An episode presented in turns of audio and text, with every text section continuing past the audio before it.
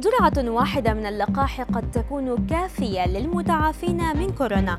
علماء يكتشفون عوالم قد تكون صالحة للحياة في الفضاء، ودراسة تكشف أن تناول الشوكولاتة قد يساعد في حرق الدهون.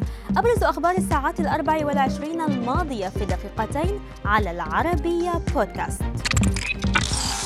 تشير دراسات إلى أن العديد من الأشخاص ممن سبق أن أصيبوا بكوفيد-19 يمكنهم الحصول على جرعة واحدة فقط من لقاح كورونا دون مخاطر وفقا لما نشره موقع نيتشر. ويساعد ذلك على توسيع نطاق إمدادات اللقاح التي لا تكفي للجميع في الكثير من البلدان. من جانبها نصحت فرنسا وألمانيا وإيطاليا بجرعة واحدة من اللقاح للذين يتمتعون بجهاز مناعي سليم والمتعافين من كورونا.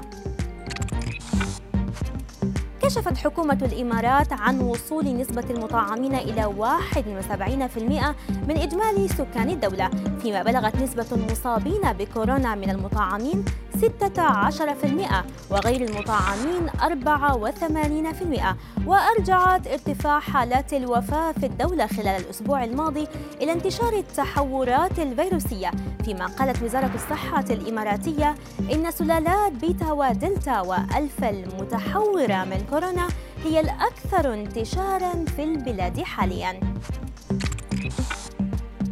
أشارت دراسة أمريكية حديثة إلى إمكانية وجود ما يصل إلى 29 عالما قد تكون صالحة للحياة وقادرة على مراقبة الأرض. إن توفرت هناك حياة ذكية. ووفق الدراسة التي أجراها علماء من جامعة كورنيل الأمريكية تم تحديد 2034 نظاما نجميا في مجرتنا وتوصل العلماء إلى نتائجهم باستخدام البيانات المرسلة من قبل القمر الصناعي جايا التابع لوكالة الفضاء الأوروبية والذي أطلق في عام 2013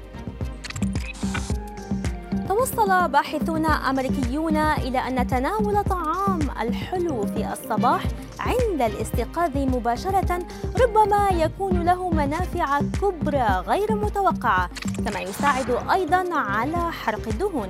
كما وجد الباحثون أن الشوكولاتة التي جرى تقديمها لعشرات النساء في الصباح والمساء لم تؤدي إلى أي زيادة في الوزن لأنها أدت دورا في سد الشهية لدى النساء اللائي تناولنها كما ساعدت الشوكولاتة النساء على خفض مستوى الجلوكوز في الدم.